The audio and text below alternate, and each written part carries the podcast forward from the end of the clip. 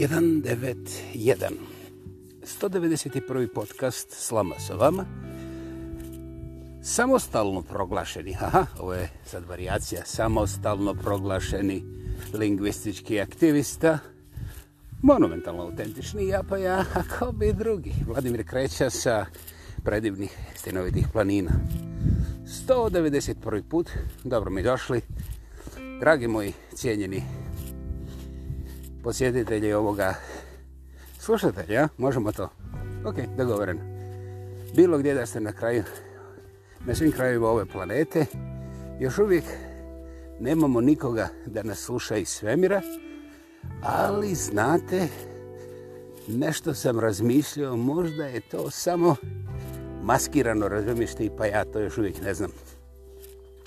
Sada kad 100% znate da sam ja paranojčan, onda to samo po sebi znači da vi niste nikad čak niti bili. Eto, tako se to brzo dovodi do zaključka gdje mi uživamo u spoznajnoj turbomoći, nuklearnoj moći naših vlastitih mozgova. I tu se odmah nekako dotiče morog o čemu smo jučer malo porazgovarali, a što nije moj način ili što kažu u čekrčima modus operandi, Naime, primijetili ste da moje teme nisu direktno, a Boga mi ni izravno povezane.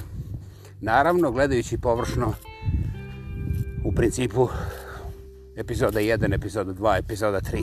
Međutim, ako slušate najmanje pet epizoda i onda pogledate ovako malo sa strane od ozgo, otkrićete i fotografiju i naslove kako imaju svoj nezavisni život čak i u odnosu na sam sadržaj podcasta. Evo, sad sam otkrio jednu tajnu koja za neke predivne ljude koji su me usput kontaktirali i ja im se sada javno, da, da, da, da, hvalim se javno i glasno, ali prije svega zahvaljujem jer, znaš, ako nešto postoji samo u mojoj glavi, a niko drugi ne može da skuži, Ja bih volio da to znači da sam ja trostruki Einstein.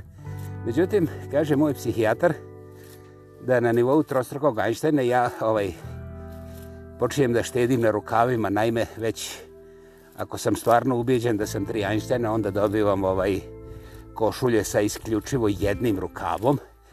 Da, on je malo duži i vezuje se na leđima. E, sad znate, vidite da ja imam ta iskustva. Ali, kako u ruci držim teflon, to je ova sprava za safatavanje ovoga što ja brbljam, ovaj, onda sigurno tu košuljicu u kojoj sam dosta dobro upoznat, ne koristim danas etoga, ali ako nastavim, ko zna, evo tu je tu, mislim, dan je predivan i idemo da vidimo, možda i uspijem, ko zna. Uglavnom,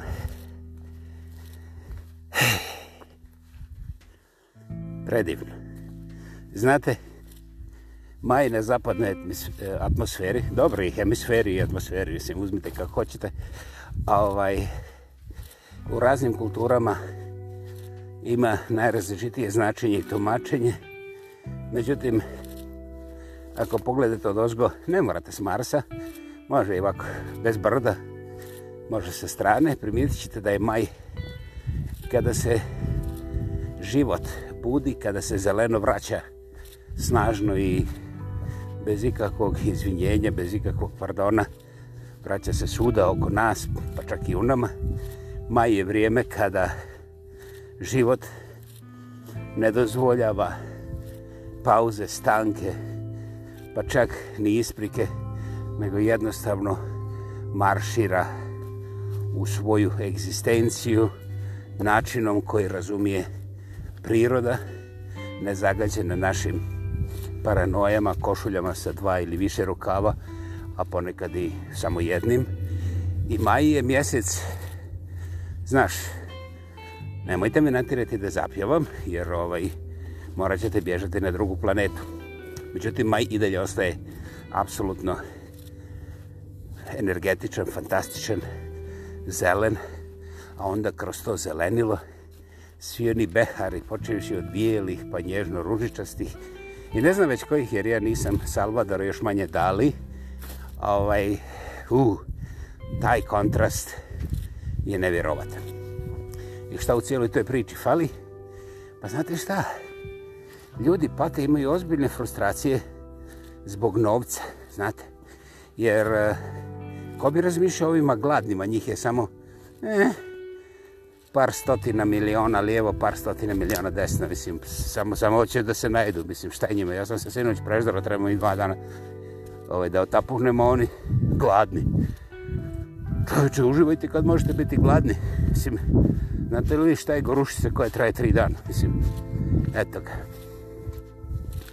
I sad, ako vi napadnete mene, kako sam ja grub, surov, neuvezjavan, Ja bih, gospodo, da pogledate u svoj frižider i znate šta, ja se neću kladiti, ali znam da bi dobio masivno kada bi od deset slučajnih frižidera, sada svih vas koji prigovarate meni kako sam grub, a ovaj, znači od deset frižidera kada bih ih otvorili bez najave, onda bi garantirano u osam od tih deset frižidera pronašli barem po pola kilograma, bez obzira koja hrana, ali hrana, jestiva hrana, koja je već istekla ili je preživjela onaj svoj nepopularni stadij.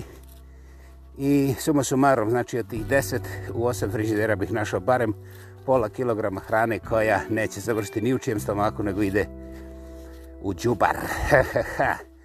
znači, sasvim dobra hrana koju nije odabro neki diktator za vas, nego ste vi onda ste to platili sa svojim novcem za koji ste morali da radite, da trošite svoje vrijeme i onda, hvala na isprikama, zadržite ih za sebe, onda lijepo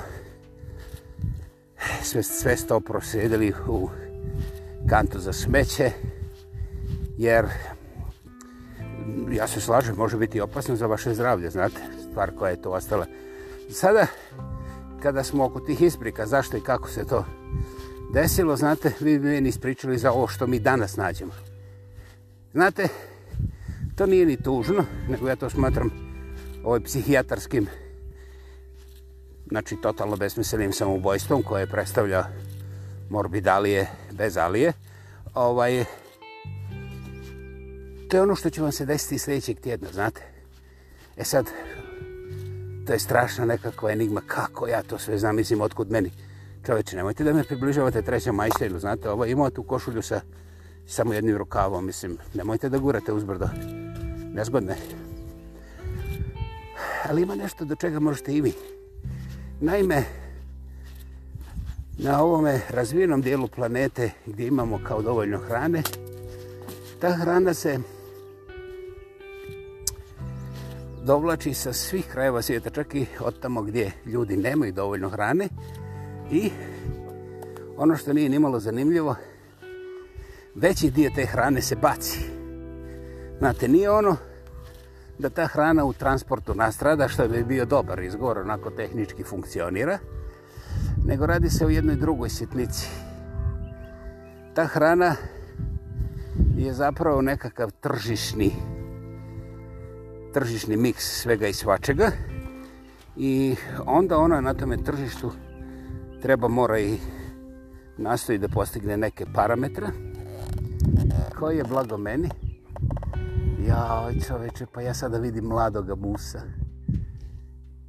slušajte ove korake u šumi, u gradskoj šumi Weaselhead, Calgary ja vidim mladog musa to mi se desilo dva puta u ovih zadnjih pet godina mogu vam reći da je to impresivno to je jedna predivna, ogromna životinja malo slonče ovaj, i s njim se ne valje igrati, naravno, ali je predivan za vid, impozantan. Znate,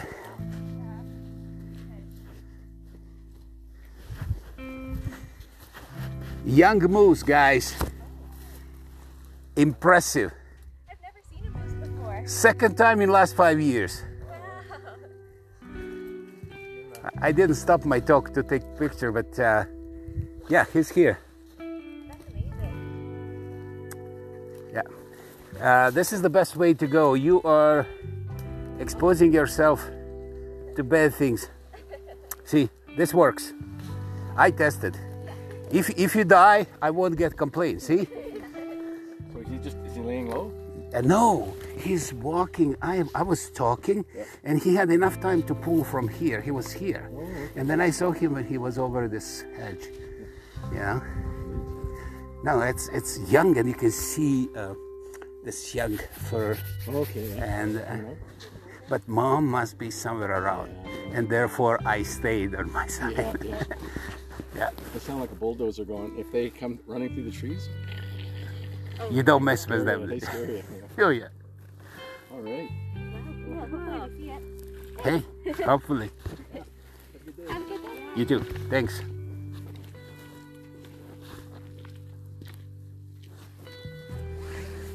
Okay. imali smo mus intermeco koji nije planiran, ali je predivan. Osjećam se fantastično čovječe kad vidim ove životinje. Ovaj, to je privilegija recimo koje ne bi mogu imati ni u Singapuru. Ali Singapur je, Singapur je onako plastika beton. I... I keka, a da, to je taj treći ingredient. Aj, dakle,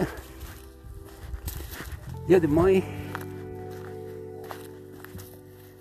doista, doista ono što je, uh, ja ne znam kako da nazovem, ali u svakom slučaju ima e, nevjerovatnu fenomenološku karakteristiku da većina ljudi, barem one koje sam ja vidio sreo ili čito, da oni znaju šta se dešava sa hranom, ali ne rade ništa knjaču maču kako smo bezosjećajni kao društvo, kao politički sustavi, kao ideje, kao ovo, kao ono. I onda, znaš, nakon 15 minuta ili 15 sati, zavisi kako ko. Ej, nemojte misliti da je Kastrom mrtav, mislim. Ovi što mogu da drže predavanje 27 sati dnevno, oni su tek na putu. Razumijete, Kastro će, ovaj, Kastro je već zaboravljen, da nije ovih koji su prestrašeni sa crvenizmima, a ovi novi brbljafon eksperti, oni su sakriveni iza demokratskih namjera i ovoga, onda oni mogu da bleveću u jednom zahvatu 10, 15, 20, 27 sati dnevno i nema problema, to je demokratski i onda to nije brbljanje, to je a, tako nešto to jeste. Dakle, svi ti ljudi koji plaču kada im ti ponudiš, hej, evo, učini nešto za gladne. Ako ovoga tjedna baciš pola kilograma hrane, plus minus ovom onom, kad izračunaš prosječnu cijenu kilograma hrane, recimo u Kanadi, statistički, ovaj kilogram hrane u Kanadi je, vjerovali li ne, u toj standardnoj košarici, nešto manje od 15 dolara. Ali ja ću biti ovako široko grudan i onda ću...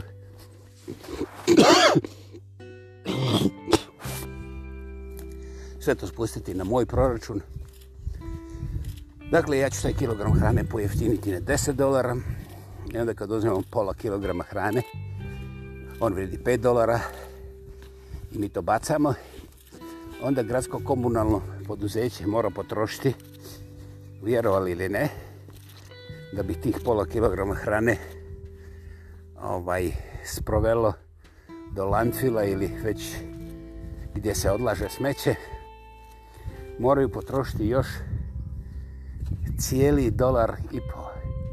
Nemojte me pitati kako sam došao do toga, jer odlaganje smeće u vašem gradu, ako pogledate malo bliže, otkrićete da nemate pojma koliko košta, a to sigurno ima uporište u tome što ne samo da vi niste zainteresirani, nego ako postavite pitanje službenim licima u svojim gradovima kolika je cijena odlaganja kilograma smeća, onda počinje priča koja je puno šira od ovoga podcasta, da budemo načisto, i gde ćete vi na kraju doznati sve o proizvodnji ovih pilića brojlera, recimo, u Činčinka Šakala, okrugu tamo negdje na kraju svijeta i zbog čega se ne koriste ekseri za ove drvene nekakve tamo lijevo-desno. I mislim, vi ćete biti presredni kad sve to završi, ali takozvanog saznanja odakle je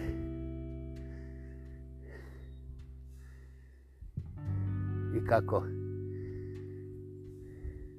se formira cijena odlaganja kilograma smeća u vašem gradu, ne u mome, nećete saznati. I, znate, ljudi koji koriste svoj mozak, a, oni onda postavi sve pitanje, čekaj, čekaj, čekaj. Ako ja plaćam sve te komunalne dažbine, poreze i tako dalje, a ne mogu saznati pouzdano kolika je ta službena brojka na nivou grada, ne države, ne provincije i tako dalje, nego grad. Onda, kao i sve drugo, ako ne možete imati točnu cijenu na nečemu što je proizvod, jeste, uglanjanje smeća je proizvod, zove se servis, usluga. Servisna usluga je proizvod. Iako vi o proizvodu ne možete dobiti cijenu, znate, na isti način, kada se vas onda kada se vama naplaćuje ta usluga kao proizvod, on ima vrlo jasnu cijenu, a kada vi trebate da saznate kolika je cijena jedinice toga što oni vama prodaju, onda nema, znate, da skratimo. Malo čas smo razgovarali o onoj mojoj košulji sa jednim rukavom. Pa nisam ja jedini lud, znate?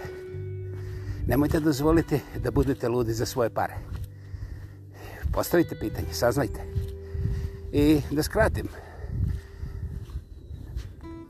Znači, trošak bačenog pola kilograma hrane po, jednom, po jednoj osobi, ovaj, mi smo sad izračunali da bi mogu biti lako, 7 možda do 10 dolara. Znači, toliki je trošak.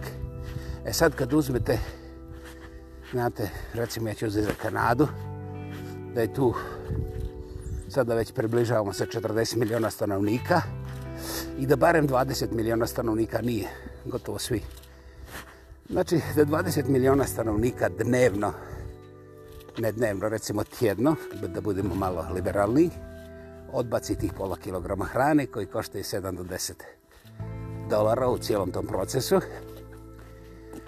onda kad to opet prepolovimo, recimo da budemo još liberalni, onda nam ostaje 10 miliona puta 7 do 10 dolara.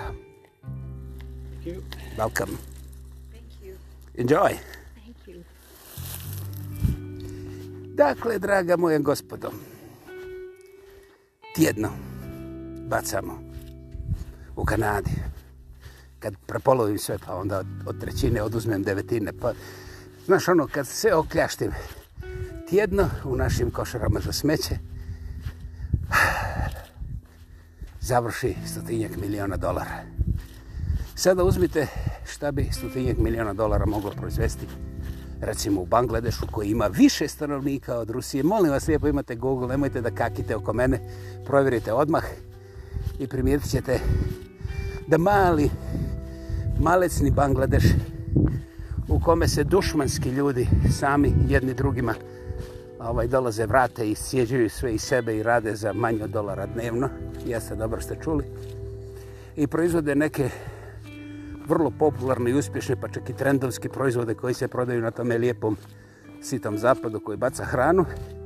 Znači, bez ikakve politike. Zamislite šta bi 100 miliona. Mi ovdje samo govorimo ako bi Kanada polovicu polovice svoje polovice jednog tjedna odlučila da eto da se ne desi. Ima još jedan aspekt, ali ja neću tim aspektima jer naravno vama će se povraćati zato što ja pričam previše, a nisam niko i ništa, ja ne mogu da napravim revoluciju pa da to promijenim. Ja sam prezretan što sam niko i ništa, to mi je povlastnica orden i nešto što je ekvivalent od prilike od zilio Nobelovih nagrada. Jer svaki onaj koji je neko i nešto na ovoj planeti je hulja. Jeste, dobro ste čuli. Da li ja te ljude mrzim? Znate šta? Rekao vam, onaj psihijatar je moj dobar. Ja nikad nisam bio talentiran za mržnju, a kad kažem hulja, onda je to vrlo jasno dokumentirano u mojoj glavi i još jasnije da vi to nećete nikad prihvatiti. Naime, ako neko ime nacionalne odbrane uzme recimo 100 ljudskih života i 10 miliona dolara da bi spržio one tamo preko puta ovaj, onda je on morao da potrši trostruko više u privrmi te situacije dakle napunio je džepove nekim proizvođačima vojnih čarapa jer vojne čarape su specijalni proizvod znate to nisu tamo civilne čarape razumiš onda vojni tarigus onda znaš, onda političari koji su morali da dogovore, znaš, strategijsko, političko, ekonomske, transverzale, znaš, ovoga ili onoga sa ovim i sa onima s kojima ćemo mi, ali saveze, kontrasaveze i tako dalje. I naravno onda obavještajci koji idu okolo loču najbolje piće, gledaju Jamesa Bonda i šta rade? Snabdjevaju nas podacima kako da mi njih koknemo prije nego što oni nas oroznu. Ovaj, dakle, jebute, miš, ovo ti je definicija paranoje. Ne, ne, ne, to je nacionalna odbrana. U nacionalnoj odbrani imaju samo nacionalni interes, nema paranojojoje i ti stvari, mislim, bez veze, gluposti. Dakle, draga moja gospoda, ja, hulje, jer znate, koji čovjek, baš sam danas pročitao da ovaj jedan pojedinac svake sekunde, svakog sata, svakog dana, svakog mjeseca, svake godine zarađuje trenutno 4200-300 američkih dolara svake sekunde. Znate, jedan sat ima 3600 sekunde, znate, ako hoćete da računate. Pa onda, zbog ovoga, zbog onoga i tako dalje, što mi ne možemo da razumimo, jer nama čak ne daju košulje. Nećete vi samo onu sa jednim rukavom, to je moja privilegija. Vi nemate košulja. Ali, njemu taj 4300 dolara zbog tih nedostataka košulja koje moraju da se proizvode zapravo neće ostati konstanta nego raste ne po aritmetičkoj ovoj simetriji nego po nekakvoj eksponencijalnoj nepoznanici koja je zbog stanja fluidnog stanja naravno na tržištu u političkom i ostalom meteorologiji planete takva da recimo sutra popodne to može da bude dvostruko, ali ovaj neće nikada biti stostruko manje. Znači može da raste. A kad bude manje, onda će biti manje za nekakav proporcionalni procenat. Ljudi, jel vi osjećate da neko je beda, a nije skinogaća, a? Dakle, ja ovdje nemam šta više da objašnjam. Ljudi koji imaju a, mozga su shvatili. I naravno, da ja trebam da se vratim na tu hranu gdje nisam pomenuo virusko virusko bakterije kako je lijepo jezika virusko bakteriološke nekakve mogućnosti opcije ali i stvarnosti jer naime ta pokvarena hrana ima vrlo aktivnu biološku slikicu i u toj biologiji koja je pomješana malo sa tim raznoraznim ovim blesimicinima koje poljoprivreda danas koristi naime nije samo GMO nego koriste se raznorazni stabilizatori, eh, sintetičke materije i onda i otrovi kontra ovih štetočina, tako da neki od tih otrova završu u toj hrani koju vi nećete pojesti, koja se raspada u vašem frižderu, a ponekad i iznad frižderu, jel? Koliko to proizvodi zdravstveni slučaj od, od koje mi naravno ovaj, koje mi plaćamo, znate šta, s time se statistika tek počela baviti prije nekih desetak godina i to ovaj, zbog sudskih slučajeva u prije svega Americi i Kanadi, moramo Amerikancima skinuti kapu ovdje, ovi ostali čak ni ne promatraju koliko novca izgube zbog te pokvarene bačene hrane s kojom čovjek slučajno je zagrize ili ta hrana kontaminira e, frišku hranu koja je donijeta danas, pa se to ne primiti, pa kad čovjek pojede onda primiti, onda je već kasno jer je već u problemu sa zdravljem, pa mora hitno na hitnu i tako dalje i tako dalje. Dakle, mi ne primjećujemo koliko smo unazadili uh, zdravstvo i posebno koliko to košta. Ne, ne, mi mrzimo kineske komuniste ruskog opredeljenja i srpskog bradativizma. Zašto da ne? Zna se ko su loši.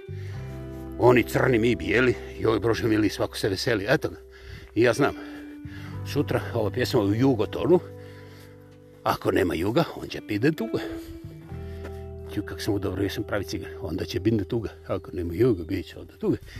Dakle, gospodo moje, ja nisam strušnjak, a još manje sam odgovoran za sve ovo što sam rekao. Međutim, pokušajte vi biti odgovorni prema sebi i uzeti neke od ovde izloženih činjenica i dokazati sebi da te činjenice ha, nisu validne, pa onda i da ne postoje. Ali znate šta, ja sam ovaj podcast napravio jer sam poludio, zato što me jedan ovdašnji književnik, izuzetno iskusan, obrazovan, uravnotežen, inteligenta čovjek, na koga se meni povraća, jer on je sve što ja nisam, Bože moj. I on je meni držao predavanje kako je jadan sinoć sjeo ispred svoga televizora, naravno nije ispred moga, ovaj, mislim, nikad nije ispred moga. I ovaj, i sjede ispred televizora i onda zaviri u svoj frižider, kad tamo, kaže, čips. Čips. I ja kažem, to ti je dobro, znaš, hladan čips, to je dobro za osvježenje. Kaže, to sam i ja pomislio. Ja kažem, jebote, vidi kakav sam dobar misirac. I onda kad je on uzeo tog čipsa, iza čipsa stoji dvo litra. Pazi vraga, dvo litra. Ovaj, da li kocka kole ili kole kocke ili tako nešto to. Što on naravno ne smije, jer je on čovac tako negdje, bliže 70-ima. I ovaj, on, on primiti da se ono na, na vrhu počelo čak malo bijelite, znači uhvatilo se nešto leda. Hmm. I on zakaže bi to trebalo izvući van, jer ne valja led nešto, naš utiče na raslojavanje i znao tu tehnologiju. Čudo živo, šta mi ispriča? Ja ne znam. Nije me zanimalo. I onda on iznese jedan i pojede taj čips od 600 grama. Znate, to je vreća otprilike veća od moje glave, a ko zna kakvu ja lijepu i veliku glavu imam, onda ne mora da gleda na globus. I ovaj, onda mu sve sol izjela usne i on jedan, to je već bilo ko 11, završio se prvi film, sprema se da gleda drugi film i onda vidi da nema čipsa. I jedan čovjek otrčio u jedan taj neki dućan koji je otvoren cijelu noć, šta je znam, gdje je cijen duplo skuplje nego ovo što kupuje normalno i kupi deset takvih, jer je on mislio kupiti možda dva, tri, ali kad je došao tamo, onda vidi da je cijena, kaže, 30% jeftinije. A ako kupiš 10, onda ti još daju dva za džaba. A 30% kaže, pa jebote, to mogu dobiti pet komada za džaba. I onda on završi donesići kući 15 komada takvih, koje ne može da stavi frižider. I onda mi se čovjek žali ovaj, kako Mislim, su ovi frižderi danas sve manje i manje. Ne možeš staviti dva traktora u frižder, ozbiljno. I poslije toga podmornica mora ići na dvorište. I ovaj... Hopa cupa po krevetu. I ovaj... On se jadan oko dva sata ujutru. Nađe prepun toga, ima gorušicu, boli ga glava i pogleda četiri kese od 600 grama okolo njega, ima puno toga, on je to morao prati, čistiti lijevo, desno. I onda ujutru čovjek nije mogu ni da spava, nazove mene da mi objasni kako je njemu žao, kako ovo čovečanstvo ne znam, služuje ništa, jer da li ja znam da svakih 8 minuta umire jedno dijete od gladi. I počne da mi objašnjava kako se on osjeća kriv, jer i mi učestvujemo u tome, jer smo mi učestvovali. Znaš, kada se ovo raspoređivalo, ono se raspoređivalo. Ja kažem čovječe, za koliko djece sam ja kriv dok mi razgovaram, evo sad već 80 minuta, kažu on meni, dobro sad, on je to rekao, onako kozmetički gledano sa strane, korektno, ali to je zvučilo, hej, sramota takve stvari brbljati ko što, znaš, ja govorim njemu. Ti si bezosećajan, ti si, razumiješ, djeca stvarno umiru i tako dalje. Dakle, ja sam ta bezosećajna krampotina od čovjeka dok djeca umiru. Hej, slušaj, ja ovdje nisam ovo zaustio da kažem hej, oni u krivu, ja sam u pravu. Ali, Boga mi, ja sam ovdje vrlo glasan kada kažem ljudi, dok ćemo mi da ganjamo krivce i pravce? Crno-bijeli svijet ne postoji, znate? Nije ja ti. Nije ti ja. Ozbiljno, razmislite malo. Podijelili ste sve. Podijelili ste i sam smisao. I zato nećete dobiti košulju sa jednim rukavom, jer neće biti dovoljno. Ali imate nešto puno, puno razornije i ponižavajuće. Vi od svoje djece pravite robote koji će ponavljati ove iste robote koliko dakaljke. Dakle, počnite epohalnu revoluciju. Zavirite u svoj frižider i primijedite kojih pola kilograma hrane će ići na smetište. I onda bacite još jedno kilogram, znači duplo više. I onda sljedećeg tjedna dogovorite se sa sobom šta volite i trebate da jedete i odredite dan kada ćete kupovati svoju hranu. I kupite ne previše, kupite premalo da, ne dramatično premalo. I počet će vam guza dobivati dimenzije kakve su vam se uvijek sviđale i trebale. Bez trošenja para na razno razne fitnesse i blesese. Ok? Znači unapredit ćete svoje zdravlje. Unapredit ćete svoj budžet. I nećete morati meni objašnjavati kako sam ja nemilosrdna, bezosjećajna, bezrušna, nekakva stara krmetina koja ne plače na djecom koja umiru od gladi. A ja s druge strane, neću imati razloga da pravim ovakve podcaste. Dakle, hajmo da se nešto dobro desi na ovoj planeti i niko neće znati da ste je strategijski promijenili. Ja, ja se s ovim ponosim jer to mi je malo ovako smrducka na Gandija kada je umjesto da plati Britancima sol, rekao, hej, Indijski ocean je naš, hajmo svi skupa, pa onda ćemo uzeti morske vode, ispariti je na našem suncu indijskom i uzeti svoju šaku soli i odneti sa sobom u selo. I bit će svima veselo, a ovi britanski biznesmeni će imati manja kukas, pa neka onda počnu da budu gospoda kad im ta keka fali. Dakle, gospodo, da li primjećujete da se ništa nije promijenilo osim teflona, mislim telefona, jel, to. Pa dajte izvučite taj teflon iz guzice, mislim, učinite nešto za sebe. I nemojte mi nikada zamiriti što koristim riječnik koji ovaj, skraćuje filozofiju, po mom uvjerenju. Ali u svakom slučaju ja vam zahvaljujem na... Kako bi to rekli cigani? Pažnji potraži, volim cigane, znate. Ja vam zahvaljujem na vremenu, na pozornosti, na strpljenju i doista da nije vaše dobre energije, Ja bih prešutio, jer prije ili kasnije moja košulja sa jednim rukavom čeka i to je, brate, pohvalno, jer moja košulja, moji rukavi i niko zbog toga neće najebati, samo ja. I to je u stvari najbolja matematika u egzistenciji jednog starca kao što sam ja. Dakle, ne plašite se, ja ne dolazim u vaše krajove, krajove sa W, okej? Okay?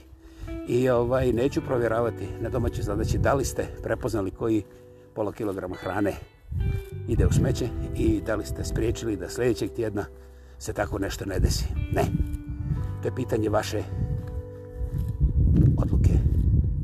Ukoliko u vama počiva čovjek, vi ćete ga probuditi i prilagoditi vremenu i prilagoditi njegovom jelovniku. To je u vašim rukama. Nema isprika da je kod vas na vlasti Rusko-Kineska komunistička partija srpskog porijekla. No, no. Bez obzira odakle hrana dolazila koja je na vlasti, frižder je još uvijek vaš i znate, guza je još uvijek vaša, a u tu guzu ništa ne može ući ukoliko vi to ne progurate kroz svoju vlastitu gubicu. Dakle, obratite pozornost. Vaši vlastiti zubi i vaši vlastiti prsti su najveće i najmoćnije revolucionarno oruđe, oruđe, a onda oruđe u ovome univerzumu. Mozak, mozak je sluga, to smo nešto pomenuli prije, ali pričat ćemo o tome nekom drugom zgodom. 191. put, slama sa vama, završavam, nedelja je predivan dan, želeći vam sve najbolje, posebno lijepo vrijeme kao što je kod mene i kao i uvijek prije, Ja pa ja, Vladimir Kreća sa predivnih stenovitih planina. Čujemo se. Prije nego što se vidimo, Ćao.